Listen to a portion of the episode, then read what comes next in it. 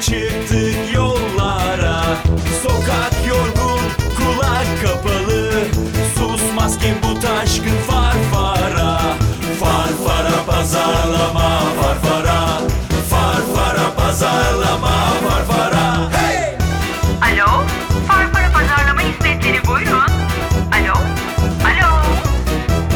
Laf bir avaz fikir yarımlara. Çağ geçti geçmedi gargara Derdimiz serbest yeni bir nefes Oyun için biz de sevdik farfara Farfara pazarlama farfara Farfara pazarlama farfara Hey! Uhu! Pabucu yarım çık dışarıya oynayalım Uhu! Pabucu yarım çık dışarıya oynayalım Farfara Pazarlama'nın yeni bölümünden hepinize merhaba. 14. bölümle yine karşınızdayız. Geçtiğimiz bölümlerde olan ilgi giderek devam ediyor, artarak devam ediyor. Hatta Türkiye'nin her yerinden mailler alıyoruz. Ee, ilginizi görüyoruz. Çok teşekkür ederiz. Ee, biz de bunun karşılığında inanılmaz bir şekilde e, çalışmaya devam ediyoruz ve e, her bölümde birbirinden değerli konukları ağırlamaya devam ediyoruz. Yine çok önemli, çok değerli bir konuk bizimle bugün beraber. Ee, uzman doktor Kerem Dündar aramızda. Öncelikle hoş geldin diyoruz kendisine. Hoş geldin abi. Abi hoş geldin. Hoş bulduk efendim. Ben de buradayım bu arada hiç tanıtmana gerek yok artık alıştılar bana gibi. Ama hep Bana. unutuyorum, hep de aynı şey oluyor. Bu, ben Hakan Abdullah evet. bu arada. Ozan'la beraber program yapacağız. Abi sen işte çok e, ünlü sayılırsın sahnelerin adamısın ama yani bizim de şey e, dinleyici şeyimiz, spektrumumuz geniş. Bu arada bir sürü ilden geliyor. Bize en Evet. çok mutlu eden şeylerden illerden, ilçelerden Tarsus, Tekirdağ, Tarsus, Gaziantep Tekirdağ vesaire. ve kitap da gönderiyoruz. Bugün de Evet. kitap göndereceğiz diye tahmin Evet, ediyorum. bugün de bir kitabımız var. Ee, Kerem Hoca onu e, belirledi sanıyorum. Ne, ne verecekti bugün Bakalım hocam? konuşmanın sonunda Evet, belki evet, hemen söylemeyelim. Ha, hemen söylemeyelim tamam ama Ama mesela mailler geliyor, mesela Tarsus'tan mail geliyor, Diyarbakır'dan mail geliyor, acayip mutlu oluyoruz. Bu bizim ne kadar geniş bir spektruma ulaştığımızı gösteriyor. İçin seni herkes tanıyor İstanbul'da ve büyük Yok, illerde diye tahmin ediyorum ama çok geniş bir spektrumda olduğumuzu göz önünde bulundurarak gene de kısa bir kelime tanıtmanı rica edebilir miyim abi? Tabii tanıtalım. Diyor, Ya öyle meşhurluk falan estağfurullah diyerek başlayalım. Öncelikle teşekkür ediyorum Hakan ve Ozan. 2019'a girdik, 2019'a beyinle girelim lafı. Bunun için de benim davet edilmiş olmam çok keyif verici. Tabii Türkiye çapında bir iş yapmanın e, esprisi çok büyük. İstanbul'da biz bazen Türkiye'yi tamamen İstanbul'dan ibaret zannedebiliyoruz. E, bazen Anadolu tarafına geçtiğimizde ben de Kırşehirliyim. Oradan başlayayım. Ankara'ya gidiyorum, ara sıra kendi memleketime gidiyorum. Oralara gittiğimde orada aslında bu ihtiyacın çok daha fazla olduğu belli. Böyle bir podcast uygulaması da bence o manada e, tüketicisini daha periferlerde yani Anadolu tarafında yakalıyordur diye düşünüyorum. Onun için de ayrıca bir keyif. Şimdi ben kendimi şöyle tanıtayım. Ben Gülhane mezunuyum. Tıp doktoruyum aslen. Üzerine biyofizik uzmanlığı yaptım. Hep neuroscience çalıştım. Ee, Üniversitede EEG çalışıyordum. Elektroensefalografi. Bir beyin görüntüleme yöntemi. Ama bu e, davranış konusunda ve beyin konusunda özellikle çocukluktan beri bir ilgim var. Belki bu işin bu kadar üzerimizde kalması, benim bu işi bu kadar seviyor olmam, bu kadar takdir görmüş olmamızın bir gerekçesi de hani böyle bazı işler insanın tenine uyar ya, ten uyumu yaşıyor olmamız belki de. Ben tabii e, tıp doktoru olarak başladığım hayatıma bayağı iş adamı olarak devam ediyorum şu anda. Kendimi tanıtırken güncel de son 1-2 senedir hani hobisi neuroscience olan bir iş insanıyım diyorum. Zaten aktif yaptığım şeylerden biri de iş dünyasında beyin anlatmak. İş dünyasında beyin dostu şirketler gibi bir konseptle yaklaşık 2-3 yıldır Türkiye'nin büyük şirketlerinde, holdinglerinde, bankalarında, ilaç firmalarında, audit firmalarında aktif olarak işte beyin dostu lider nasıl olunur, beyin dostu insan kaynakları nasıl olur, çalışan beyin nasıl davranıyor, işte öteki taraftan satış pazarlamada nöro tarafı nasıl, bu beyinle ilgili kısmı nasıl, müşterinin beyni nasıl çalışıyor. Bu alanlarda aktivitemizi sürdürüyoruz. bu 10 yıl önce de böyle miydi bu? E, hakikaten çok ilgisi var mıydı bütün şirketlerin böyle yoksa son yıllarda mı daha çok arttı? Ya aslında beyne olan ilgi son yıllarda çok arttı. Bununla ilgili birkaç popüler yayın, beynin tanımlanması, herkeste bir beyin olduğunu fark edilmesi. Önemli bir şey oldu yani, böyle daha- oldu. Aynen, bunun daha etkin kullanılma ihtiyacı. Beyin gerçekten organlar arasında en geç tanımlanmaya niyet edilmiş organdır. Onun da yansıması muhtemelen. Bugünlerde biz memnunuz. Bundan 100 yıl olsaydı muhtemelen bu işleri yapamıyor olacaktık Hmm. arkadaşlar. E peki sen bir sürü kişi şu anda beyin anlatıyor. Niye sen en popülerlerinden bir tanesisin? Mesela ben de e, beyin anlatmaya çalışıyorum. Ben niye popüler değilim? Ben niye popüler değilim? Mesela bunu açıklayabilir misin? TED konuşmalarımız var, senin de TED konuşman Evet, var. evet. Benim de TED konuşmam var. Senin TED konuşmanı 350 bin kişi izlerken niye benimkini sadece 1500 kişi izledi? Estağfurullah. Ee, bunun için çağırdık Kerem seni. Bütün bugün her şeyi ortaya döküldü. Bu dedin Allah, dedin Allah belasını versin diye. Böyle 1500 kişi niye beni izler? Ee, şaka bir yana abi niye sen en popüler konuşmacılarından bir tanesisin bu konuda? Ya tanıştıralım Neyi beyniniz diye, bu tanıştıralım beyniniz diye bir TED konuşması yaptık. Ben bu işleri aslında o beyni anlatan arkadaşlarla birlikte başlattık. Onlardan öğrendiğimiz bir sürü şey var, onlarla paylaştığımız bir sürü şey var. E, piyasada iyi kötü beyni anlatan herkese çok yakın arkadaşımdır. Birebir görüşürüz, birlikte iş yapmış olduklarımız var. Hiç iş yapmayıp ama birlikte çalıştığımız arkadaşlar var. Biz birbirimizden besleniyoruz diye düşünüyorum. Hani dışarıdan gözler, aa onu sen, seni o mu geçiyor diye düşünse de aslında hepimiz bir tarafından tutmuş durumdayız. Daha popüler tarafıyla ilgilenen arkadaşlar var. Ee, daha bir konuya odaklanmışlar, pazarlama odağında olan arkadaşlar var. Ondan sonra mesela kadın erkekle ilişkili anlatan bir arkadaşım var mesela. Ben onun yayınlarını hep tavsiye ediyorum, onu övüyorum. Ben de daha iş dünyası tarafındayım. Belki de iş dünyası tarafında bu işi e, popüler etmenin yolu artık benim doğrudan beyin anlatmanın ötesine geçip iş dünyasında beyin nasıl kullanır diye özgün bir konsept anlatmamdan kaynaklanıyor. Bunu çünkü zaman zaman yaşıyoruz. Hocam biz beyin dinledik bir yerlerden ama hani sonradan sizden dinleyince biraz farklı oldu demelerinin temel gerekçesi muhtemelen biraz da benim iş tarafına hakimiyetim. Hmm. Çünkü ben baya baya e, geçmişten beri girişimci olan, şu anda halihazırda 5 farklı şirketi olan, diyorum ya iş dünyasının içinde bileyim çalışanları olan, vergi veren, işte onları bilen, muhasebecileri olan, avukatları olan bir iş adamıyım bir taraftan. Ama bu beyin tarafındaki bilgilerimizi de tabii artık bunu tek başıma ben de takip etmiyorum. Benim arkamda bunu yapan akademisyenler var, profesörlerimiz var, psikologlarımız var. Onların e, sadece bir grubu sırf makaleleri okuyup e, tartışmak için bana getiriyorlar ve bunu alıp iş dünyasına convert ediyoruz. Aynı zamanda aile tarafına da katkı sunuyoruz. Çünkü uzun süre ben dikkat eksikliği, hiperaktivite bozukluğu alanında da çalıştım. Orada da anne babalara bununla ilgili bir sosyal girişimimiz var, yaratıcı ebeveyn diye. Onunla da anne babaları eğitmeye çalışıyoruz. Çocukluk çağında çünkü beyin konusunda anne baba çok etkin.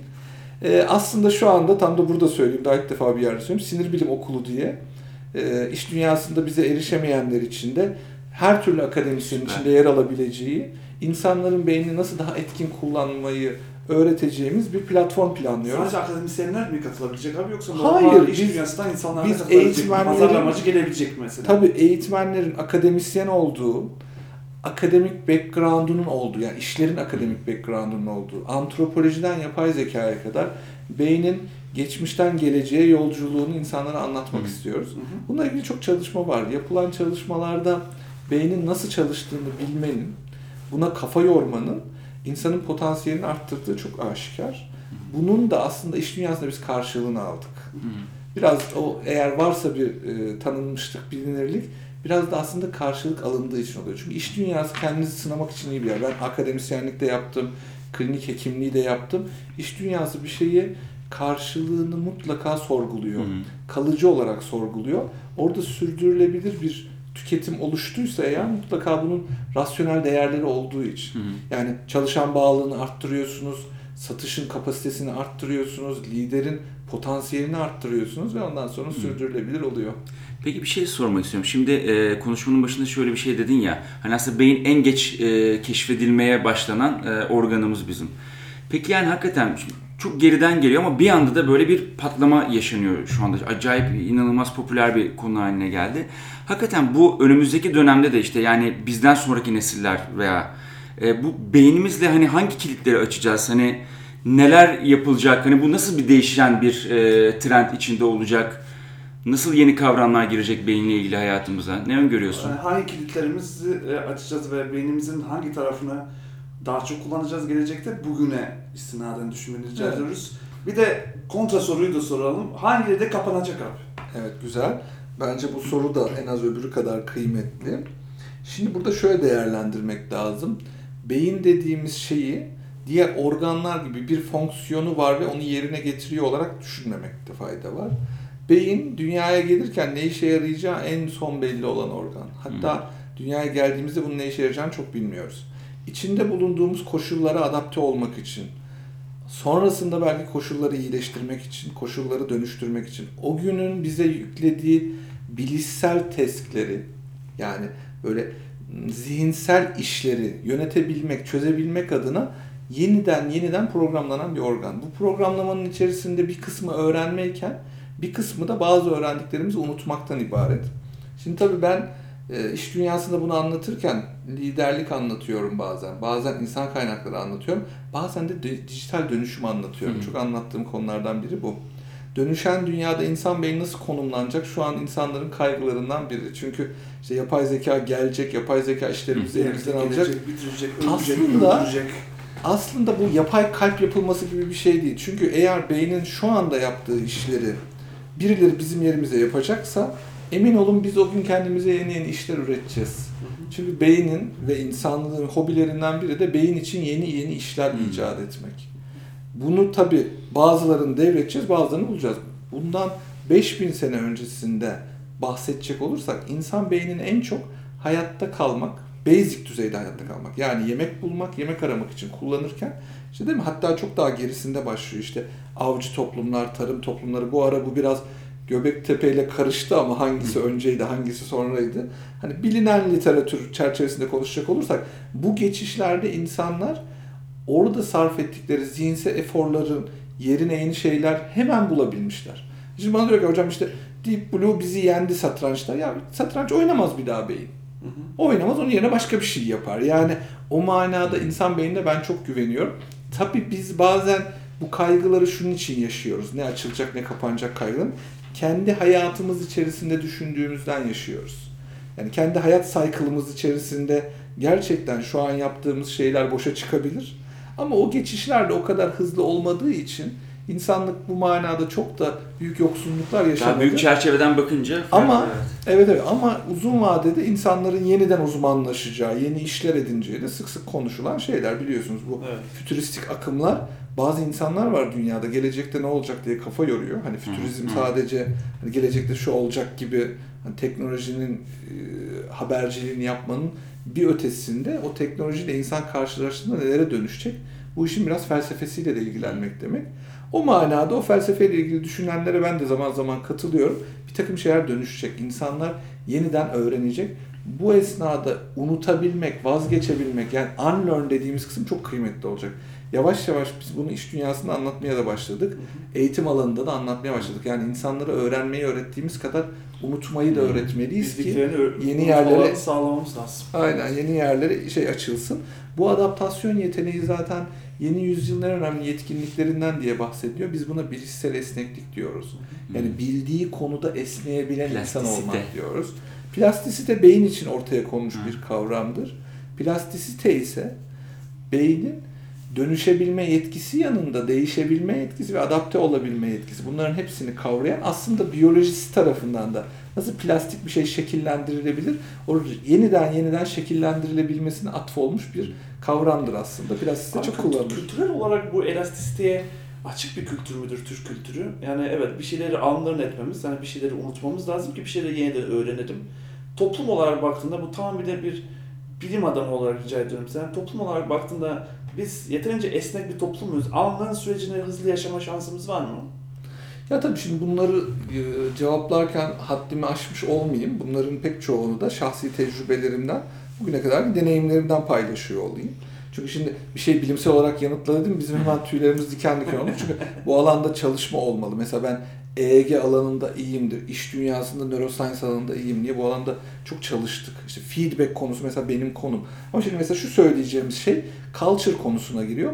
Culture bugünlerde üzerine eğildiğimiz bir konu.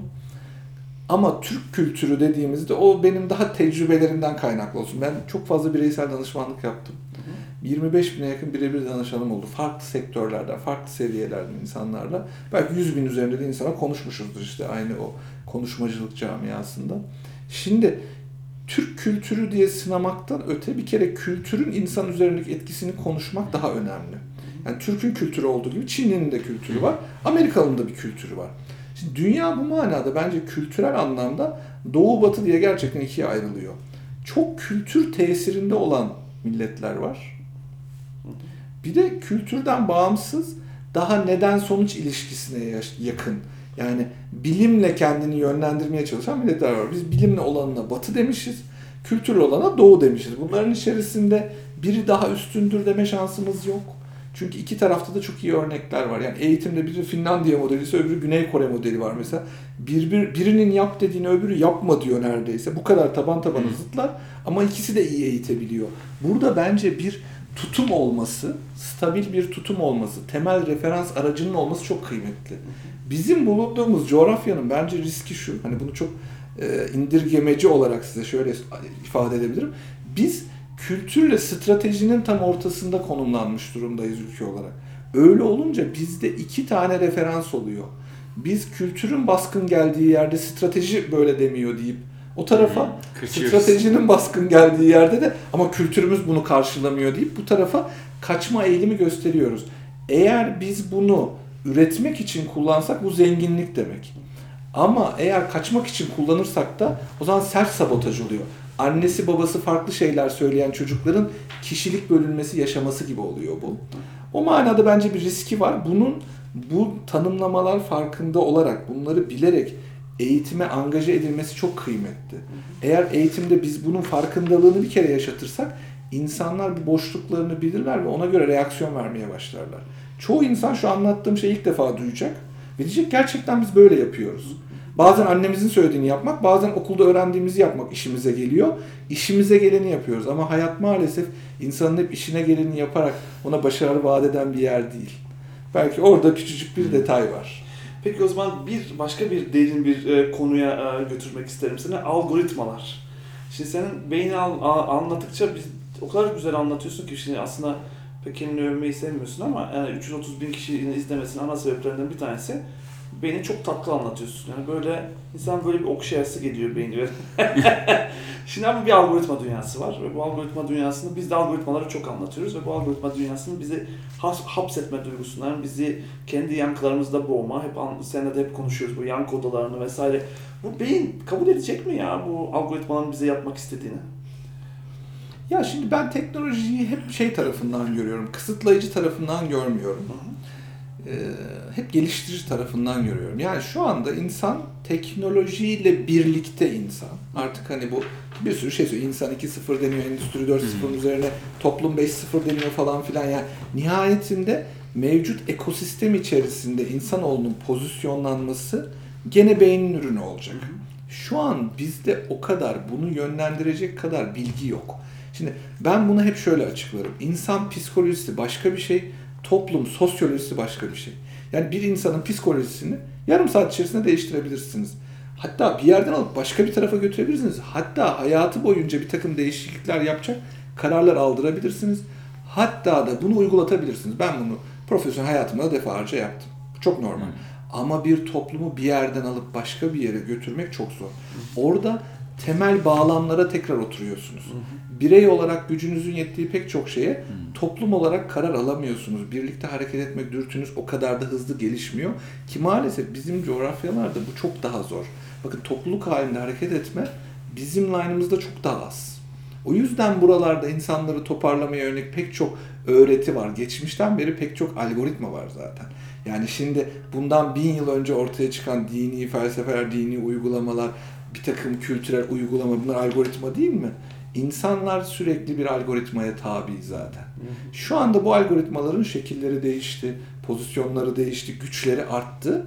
Ama insan beyninin hiç belki de bugüne kadar bu gözle bakmadınız ama çok güzel bir tarafı var. İnsan içinde bulunduğu teknolojiye göre beynini tekrar tanımlıyor. Bugün bunu çözecek beyni biz bugün teknolojik olarak açıklamaya müsait olmayabiliriz. Algoritmaların üzerine de çıkıp oturacak bir insanlık olacak ve o insanlığın beynini biz bugünkü tanımladığımız gibi tanımlamayacağız. Çünkü biz algoritmaları geliştirirken beyni de çok algoritmik açıkladık. O yüzden de o algoritmalardaki hız bizim bu açıkladığımız şeyin çok önüne geçiyor ama aslında bu bizim tam açıklayamadığımızdan. Bunu size şöyle örnekleyeyim.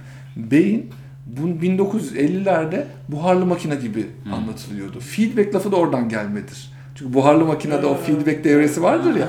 Feedback oradan gelmedir. O günün buharlı makinelerin teknoloji ilerledikçe lan acaba beynimiz bu süre işe yaramayacak mı dendi. Aynı kaygı yaşandı. Biz algoritma yüzyılında şu son içinde bulunduğumuz 15-20 yıl içerisinde algoritmalar üzerinden bu beyni aldı. Hep öyle bir yolak var gibi şunu yap deyince bunu yapıyor, bunu yapma deyince bunu yapmıyor. Bugünkü açıklama yetersizliğimizden kaynaklanıyor biraz da kaygımız. Göreceksiniz bu teknoloji gerçekten yerini bulup hakkı verilir bir şekilde sosyolojiye etkilediğinde, bakın psikolojiden bahsetmiyorum. Bugün hepimiz bazen çok yüksek seviyeler teknoloji kullansak da daha bunun sosyolojik etkileri az. Bu teknoloji sosyolojiye etkilediğinde o gün biz beyni başka türlü tanımlıyor olacağız. Bunu da bizim mutlaka bunu eriştirdiğimiz arkadaşların arasından çıkacak genç arkadaşlar yapacak. Yani yapay zeka organik zekayı alt edemeyecek diyenlerdensin diyebilir miyiz? Yani yapay zekayı organik zeka ile kavga ettirmeye bile lüzum görmeyecek olanlardanım. O zaman Harari'nin bu Homo Deus'undaki bu anlamını yitirmiş insanlar kavramına inanmayanlardan mısın? Onu öyle demeyelim. Harari'nin o kitabını çok seviyorum ben. Ee, çok da beğen, beğenerek okudum. Yani Homo Sapiens'tir. Bu alanı takip edenler için keyifli bir kitaptır. Deus bence daha projektif bir kitap. Yani biraz insanın önünü, önünü de açıyor. Harari vizyonu güzel bir adam. Bu konuda e, şey gerçekten bu işe kafa yordukça demek ki insanın aklı da açılıyor. Şimdi ben orada e, anlamını yitiren adam kavramını e, dünyanın şu halinde biz size sormayı, aklınıza getirmeyi istedim. Şu anda bütün insanları anlamlandıramıyorsak eğer, ki anlamlandıramıyor. Teknoloji de anlamlandıramıyor, devletler de anlamlandıramıyor, şirketler de anlamlandıramıyor, bankalar da anlamlandıramıyor. Bundan 100 yıl önce de böyle insanlar vardı. Bundan 100 yıl sonra da böyle insanlar olacak. Bu insanların anlamlı olduğu, an- anlamsız olduğu anlamına gelmesin. İnsan varlığı itibariyle değerli bir canlı. Hatta canlılık değer hak ediyor bizim şu anki değerlendirme setimizde. Yani bunu bir kere cebe koymak lazım. Ama insanların farklı farklı kimlikleri oluşuyor dünya içerisinde. Yani orada anlamını kaybeden şey biraz kimlik olacak. Hmm. Ve hali hazırda eğer bugün yaptığın işi insanlara çok iyi anlatabiliyorsan o zaman tabii ki o işin anlamı kaybolacak. Sen o kimlikte ısrarcıysan maalesef o kimliğin anlamı kaybolacak. Biraz bunu böyle tanımlıyor. Ama ben o süreçte insanlara mentörlük yapan kişilerin bu konudaki e, farklı farklı uygulamaların, yeni gelişen teknolojilerin buna ne kadar katkı sağlayacağını düşündükçe bence insanın zaten bir anlam arayışı var da o ilerliyor diye düşünüyorum. Yani bugün dünyada mevcutta bulunan anlamsız insandan daha fazla anlamsız insan olmayacak dünyada bence. İnsanın anlamı artacak. Çünkü zaten aslına bakarsanız bütün yolculuğun hepsi insan anlam arayışıyla alakalı. Peki birazcık bu bilgiye ulaşma ve bilgiyi saklama e, mevzularını da açmak istiyoruz. Bizim bu aralar çok kafayı kırdığımız konulardan bir tanesi. Bu özellikle şimdi yeni yeni e, Gerard Zaltman da bu Evet, varsayımları yeni kitabında, konuşmaya başladı. Yeni. Albak diye bir kitabında. Çünkü pazarlamanın çok varsayım konuşmasını gerektiğini iddia ediyor ve aslında baktığımızda hiç varsayım konuşmuyoruz. Nedir abi bu varsayımlar? Nasıl oluşuyor bu beyindeki varsayımlar? Var mıdır bunlara ula- ula- ulaşmanın bir formülü, bir yolu? Beyin neden varsayıma ihtiyaç duyuyor? Neden bir şeyi görmeden bir varsayımda bulunma ihtiyacı olan bir organ bu? Yani- Ya beynin varsayım gücü olmasaydı, hemen topu alıyorum. Beynin varsayım gücü olmasa biz bugün burada olmazdık. Hani ön yargılı insan sevmiyorum denir ya. Ön yargısız olsaydık bugün buralarda Evet. olmazdık. Diğer canlıların hepsi ön yargısız olduğu için öyle. Oha der. Tabii insan zaten ön yargılarımız tutmayınca ön yargılı diyoruz. Evet. Tutarsa mucit diyoruz, icat yaptı Lider diyoruz, lider diyoruz, çok öngörülü adam diyoruz. Şimdi ben biyolojide buna hep dikkat çekerim. Biyolojide hiçbir şey sadece pozitif veya sadece negatif olmuyor. Ve eğer bir şey sadece pozitif veya negatif değilse bunu yönetmek gerekiyor. Hmm. Bugün ben sinir bilim okulu açarken de şirketlerde bunu eğitimini anlatmaya çalışırken de ebeveynlerle de ve benim gibi nörobiyolog arkadaşlarım, sinir bilimci arkadaşlarım bunları yaparken de aslında çok temelde dürtümüz şu. Hiçbir organı kullanmayı öğrenmek, beyni kullanmayı öğrenmek gibi bir şey değil. Biz hiçbir organımızı kullanmayı öğrenmiyoruz. Onu beyin kullanıyor zaten. Ama bunların hepsini beyin kullanıyor. Ama onun dış dünyayla özellikle etkileşen kısmını mutlaka kullanmayı öğrenmek durumundayız. Yani baktığınızda bu onlardan biri. Bu bizim yeni fark ettiğimiz bir fenomen. Biz insanları çok ciddi yaratıklar zannediyorduk. Şunu yapacağım der yapar falan. İnsanların rasyonel olma oranı çok düşük. Yani pek çok şeyi otomatik karar aldırtmak zorundayız zaten. Yani bir hayatı anlamlı kılabilmek için. ciddi şeylere vakit ayırabilmek için bazı şeylerin ciddiyetini ortadan kaldırıp onları otomatikleştiriyor. Bu alışkanlığı ona bir takım şeyleri de hani sınırını bilmeden otomatik şekilde düşünmeyi, predict etmeyi, yani öngörmeyi gerektiriyor. Bence bunun bir sonucu. Buraya sızmak çok kıymetli. Benim e, çok anlatmayı sevdiğim konulardan biri de algı yönetimidir. Algı yönetimi de bu mekanizmanın tersine çevrilmesiyle mümkün. Yani bu mekanizmadan istifade edip insanların gerçeklerinden çok daha önemli olduğunu biliyoruz algılarının. Yani kişinin gerçek atmosferini, gerçeğini kullanmanın ötesinde gerçekten algısının çok kıymetli olduğunu biliyoruz. Ve burası üzerinden bir alan oluşuyor. Pazarlama biliminde algı ve e, bu bir takım öngörüler, insanların irrasyonel davranışı önemli mi derseniz ben şöyle diyebilirim çok açık yürekli. Pazarlama bilimi bu demek zaten. Hı hı. Pazarlama insanların gerçeğiyle uğraşmıyor. 8. gömleğinizin yanına 9.yu aldırtmanız için ona bir şey hayal ettirtiyor olmanız lazım. 8. gömleğin vaat etmediği herhangi bir fiziksel şeyi 9. gömlekle vaat ediyor olamazsınız. Ama ona kurdurduğunuz hayal, ona sattığınız öykü çoğu Hı. zaman gömlekten daha kıymetli oluyor. Pazarlama da aslında tam olarak bunu inceliyor. Ben de zaten pazarlamanın nöro tarafında bu tip uzmanların da bilgileriyle e, eşleştirip bunları paylaşıyorum arkadaşlarla. Daha çok o taraftan görüyoruz. O yüzden çok doğrudur. Tabii ki bu konu derinlemesine pazarlamacılar göre her zaman daha da fazla ele alınıyor olacak. Yani pazarlamayla bu behavioral neuroscience ne kadar kesişirse, psikoloji ne kadar kesişirse ki bence çok büyük pazarlama işlerinde bu artık bir şirketin ürün satmasının ötesinde ülkelerin insanlarını yönetmesi, şirketlerin çalışanlarını yönetmesinde de ki ben onlara da pazarlama derim hep. Ben İK'ya iç müşterinin pazarlamacısı derim yani gidip anlatırken. Orada da algı yönetimi her geçen gün çok daha kıymetli olacak. Hatta sosyoloji biliminin çok her geçen gün çok daha önemli olmasını arzu ediyorum. Benim hayal ettiğim dünyanın içerisinde sosyoloji bilimi, psikolojiden, e, psikiyatriden, tıptan, matematikten çok daha Hı. önemli bir bilim olacak. Hatta yılın kelimesi de geçen sene tabii bununla doğrudan alakalı değil ama biraz politika alanında post-truth Evet. diye bir e, kavram oldu. Yani o algı yönetiminin de biraz da aslında manipüle edilebilir e, olması burada önemli galiba. Ya post-truth'u şöyle düşünün. Post-truth bizim karşılaşmadığımız bir şeyle bizi karşılaştırdı. Hı hı. Black Mirror izleyen var mı bilmiyorum. Yani bir gün belki Herkes Black Mirror'a izleyen. özel evet yani bu bu podcast'i takip edenlerin hepsi Black Mirror'da izliyordur muhtemelen. Şimdi orada da yüzleştiğimiz bir şey var. Şimdi gerçekten farkında olmadığımız şekilde güçlü bir biçimde bizi kendine bağlayan bir tarafa doğru gidiyoruz. Bu da bizim bir takım yetilerimizle örtüştüğü için oluyor. Kendimizi iyi hissetmek istiyoruz ve iyi hissedeceğimiz tamamen sanal bir mecra gerçeklerin çok çok daha önde bizi etkileyebiliyor. Hakikaten çok aklı sır ermeyecek dediğimiz şeyler bugün çok rahatlıkla Hmm. olabiliyor.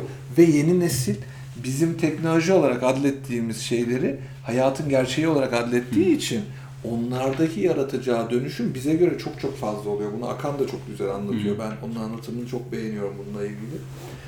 Yeni nesil kavramı işte burada evrim Kur'an'ı da bir kulağını çınlatalım. Bir günde onu mutlaka e, anladığım kadarıyla burada arkadaşlarla buluşturursunuz. Yeni nesil denen bir kavram var. Yani bu insanlar bizler gibi değil. Niye? Çünkü onların içine doğduğu dünyanın başka gerçekleri var. O bizim için post-truth. Biz post-truth'u yeni nesli biraz daha anlayabilmek için yaptık. Çünkü onlar gerçeğin ötesine doğmadı. Onların gerçeği o. Bizim için biraz post-truth. Onlar için truth olacak. Onlar için truth olduğunda zaten bu. Yani gerçek olduğunda o zaman biz bunu gerçekten sosyal manada yaşıyor olacağız. Peki ben son sorumu sorabilir miyim? Tabii ki İşte buyursunlar. biz perakende araştırmalarında bu vücut ve e, zihin ilişkisini çok fark etmeye başladık. Yani şunu görüyorsun, adam kontrolü kontrol duygusunu nasıl algılıyorsun mağazada diyorsun diyorsun. Vücuduma göre bakıyorum ve vücudumla e, vücudum bütün raflar vücudumun kontrolü altında hissediyorsam bu kontrol duygusuna gidiyorum. Şimdi bu zihin, beyin ve vücut bütününde e, söyleyebileceğin söyleyeceğin şeyler var mıdır? Tabii söyleyebiliriz. Şimdi ben hep Nasıl böyle beynin vücudumuzu algılama şeklimizi ve vücudumuzu anlama şeklimizle beynin ilişkisini birazcık açabilir miyiz oradan? Tabii. O zaman şöyle anlatalım. Şimdi bir kere beden e, santral sinir sistemi yani beynin direkt kontrolü altında bir organlar bütünü arkadaşlar. Ve gerçekten beynin küçük bir parçası bununla ilgileniyor. Yani bu küçük parça ne yapıyor? Beynin, işte beyin sapı, işte orada bir küçük bir e, takım kısımlar diye bir şey çok detay anlatmayalım ama işte be, beyincik tarafından biraz, temel limbik sistemde küçük küçük bir takım parçalar, işte motor korteksin.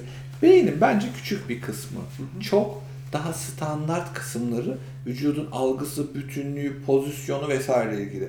Ve aslında baktığınızda vücuttan gelen geri bildirim insan için çok kıymetli. Ya bunu şöyle değerlendirin. Siz mutsuz olduğunuzda güler, gülemezsiniz. Ama mutsuz olduğunuz bir an şunu deneyin mesela. Gülmeye çalışın. Bir müddet bunu yalancıktan yapın. O mutsuzluğunuzun ağırlığında bu kadar hissedemezsiniz bir daha. Çünkü siz kendi referansınızı bozabilirsiniz dışarıdan. Yani içerideki şeyleri. Orada bir diskordans olur. Yani bir koordinasyon problemi olur. Der ki ben mutsuzken yüzümün böyle olması lazım. Ama şimdi böyle. Demek ki deyip beyin çelişkiye düşer ve bunu yönetmeye başlayabiliriz. Şimdi e, ben bunu hep şöyle özetlerim. Bedeniniz zihninizi takip eder. Zihniniz de bedeninizi takip eder. Eğer bu fenomeni hakim olabiliyorsak insanları konforlu hissettirdiğimiz yerlerde onlarla daha rahat iletişim kurabiliriz. Satış işi bir iletişim içidir arkadaşlar. İyi satışçı demek iyi iletişim kuruyor demek. Ve marketteki pozisyonlanma sizi bir taraflara yönlendiriyorsa, sizi daha huzurlu hissediyorsa, sizin tüketici yolculuğunuzu daha konforlu hale getiriyorsa bu size sağlanmış fiziksel bir iyilik halidir. Fiziksel bir iyilik hali tabii ki sizin oradaki davranışlarınızı rahatlatır. Ama bu her zaman tüketimin artacağı anlamına gelmesin. Sizin rahatlayınca nasıl reaksiyon verdiğiniz çok kıymetli. Çünkü bazı insan rahatken iyi harcama yaparlar. Bazı insanlar sıkışıkken çok harcama yaparlar. Bu reaksiyonların da ölçülmesi lazım. O yüzden de zaten hiçbir zaman bu konudaki teoriler doğrudan sahaya yüzde yüz yansıyamaz. Ben nöromarketingde uğraştığım senelerde, şimdi daha çok anlatım kısmıyla ilgileniyorum. Yani aktif uygulama tarafında da bulundum. Ben hep şey diye tanımlardım. E, Marketingin nörosundan önce gidiyor diye tanımlardım. Heh, Bilimi. evet, Çünkü doğru. biraz öyle bir durumu olur bunun. Şimdi bir- hiçbir bilim adamı o verilerle o kadar iddialı konuşamaz. Çünkü biz bilimde şunu biliriz. İddialı olmak için her şeyi denemiş olmak lazım. Ve hiçbir zaman uzayın tamamına hakim olamadığımız için sonuna kadar iddialı olmayız. Ağırlıklardan bahsedebiliriz, yatkınlıklardan bahsedebiliriz. Marketing bunu biraz daha kesiyor. Tabi orada da e, tutarlı olup karar almak gerektiği için o yüzden daha çok oranlar üzerinden çalışabilir. Yani rahat bir tüketici yolculuğu sağlandığında tüketicilerin çoğunun karar mekanizmaları gevşeyecektir, rahatlayacaktır. Onlara erişim kolaylaşacaktır. Ama takdir edersiniz ki e, satışın tek parametresi de kişinin, satın alanın fiziksel rahatlığı değil. Yani orada pek çok Evet. parametreyi daha göz önünde bulundurmak lazım. Bu arada kitabı unutmak üzereyiz. Evet bence zaten şey e, onu da sonlandırabiliriz belki bir şifre e, vererek. Evet. Şimdi kitabımızı e, ne olarak belirledik onu da Ya tabii şimdi ben literatürü çok takip ediyoruz. Ee, bu esnada basılmış kitapları da çok inceliyoruz ama ben eski bir kitap söyleyeceğim. Hala okumayan varsa ki işte diyorum ya da Anadolu tarafında mutlaka bunu e, incognito diyeceğim. Benim de bu alanı bizim önümüzü açan kitaptır. Yani bu işin böyle keyifle anlatılabileceğini Türkiye'de pek çok arkadaş örnek almıştır. E, hatta kitaplarında ilham almıştır. Biz de eğitimlerimizde, sunumlarımızda hep bahsederiz. Incognito'yu David Eagleman'dan e, hediye etmek çok Harika. keyifli olur. Şimdi e, biz aslında her programda ilk 5 dinleyicimize, bize mail atan ilk 5 dinleyicimize veriyoruz ama e, sonradan biraz geç dinleyenler şey yapıyor. E, acaba farklı bir sistemle mi versek bu sefer 1-3-5 gibi? Çok karışık geldi bana. çok çok karışık yani. Bence ilk 5 çok basit ya. Tamam. İlk 5 mail yazan, ilk şey yapalım. 5 mail, mail Tamam, yazan. peki. Al- Ama nasıl yapacaksan Ama Ama işte. Sonradan çok sitem ediyorlar çünkü kitap Ama alamıyoruz etsinler diye de. Atalım, dinlesinler, ilk dinleyen olsunlar. Ne yapalım? Peki tamam öyle olsun. Peki, böyle bir- hakkaniyetli bir sistem gibi Şeyi geliyor. merak ediyorum. Mesela bir zaman tanımlayıp o arada yollayanlardan çekiliş yapsak bu tüketici algısı açısından daha kıymetli. Ya Çünkü işte- ilk beşe erişemedim deyip bu sefer Evet yani bir demotive olmasın. küskünler segmenti oluşmaya başladı çünkü. Ne kadar Ama- periyotta yapılıyor şey?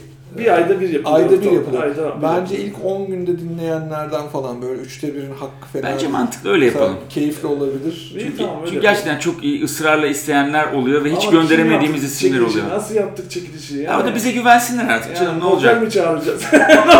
Noter huzurunda İstanbul. Gereksiz kompleksite yarattık. Noter huzurunda çekiliş yapıyoruz. Tombola şeklinde.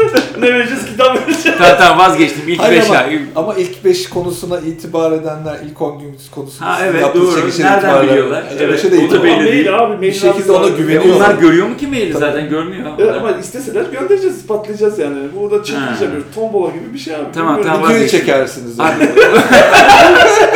Tamam. Nasıl yapacaklarını hatırlatalım. tamam evet ee, şifremizi gönderiyorsunuz. Şifremiz ne Bir olsun? şifre koy söyle, bir, Bir kelime. kelime. söyle abi. Amigdala olsun. Tamam amigdala şifresini info.farfarapazarlama.com adresine gönderen ilk 5 kişiye incognito kitabını gönderiyoruz. Lütfen adresinizi de bize mailde iletmeyi Bu arada unutmayın. şöyle bir fenomen oluşmaya başladı. Kazandıysam adresimi bir sonraki mailde göndereceğim diyenleriniz var arkadaşlar. Onun için şöyle bir bilgi vereyim. Hiçbir şekilde bilgileri toplamıyoruz. Hiçbir şekilde depolamıyoruz. Bu bilgilerle hiçbir şey yapmayacağız. Sadece size kitap hediye etmek istiyoruz. Onun için e, adreslerinizi bizden saklamanıza gerek yok. Evinize gelmeyi düşünmüyoruz. Çaya davet, çaya davet ederse- ederseniz geliriz tabii ki. Ama e, yani böyle gelip de kimseyi orada evlerinde rahatsız etmeyeceğiz. Bunun sözünü verebiliriz. Bu mailler, böyle mailler almayalım lütfen. Eğer kazandıysam bir sonraki de adresini göndereceğim. Yani birazcık anlamsız oluyor. E zaten bir kitap için adresi sonradan veriliyorsa... Ya korkuyorlar ne yapacaklar bu adamlar bizim gidiyormuşuz bu adam. konuşup konuşup gerçekten Abi gidiyormuşuz. ben elden vermek istiyorum kitabı ama ya. Gidip hakikaten. Peki, Çok e, keyifli. var mı başka bir sorumuz? Yok. Tamam bu son sorumuz da e, çok keyifliydi. Çok teşekkür ederiz. Evet vallahi çok Geldiğiniz için. çok kafa açtınız. çok Hakikaten. kafa açıcı bir şeydi podcast'ti. O zaman bir sonraki programda görüşmek üzere. Üzere. Hoşçakalın hepinize. Hepinize hoşçakalın. Görüşmek üzere. Teşekkür Bay bay. ederiz efendim. Çok sağ olun. Hoşçakalın. Farfara pazarlamaya hoş geldiniz. Dahili numarayı biliyorsanız. Her yer türlü çorba yaygara. Heves vardı çıktık yollara. Sokak yorgun kulak kapalı. Susmaz ki bu taşkın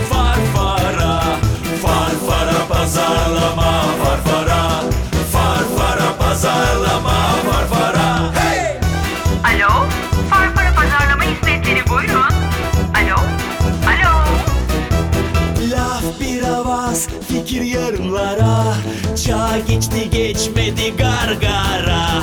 Derdimi seves yeni bir nefes. Oyun için biz de sevdik farfara. Farfara pazarlama.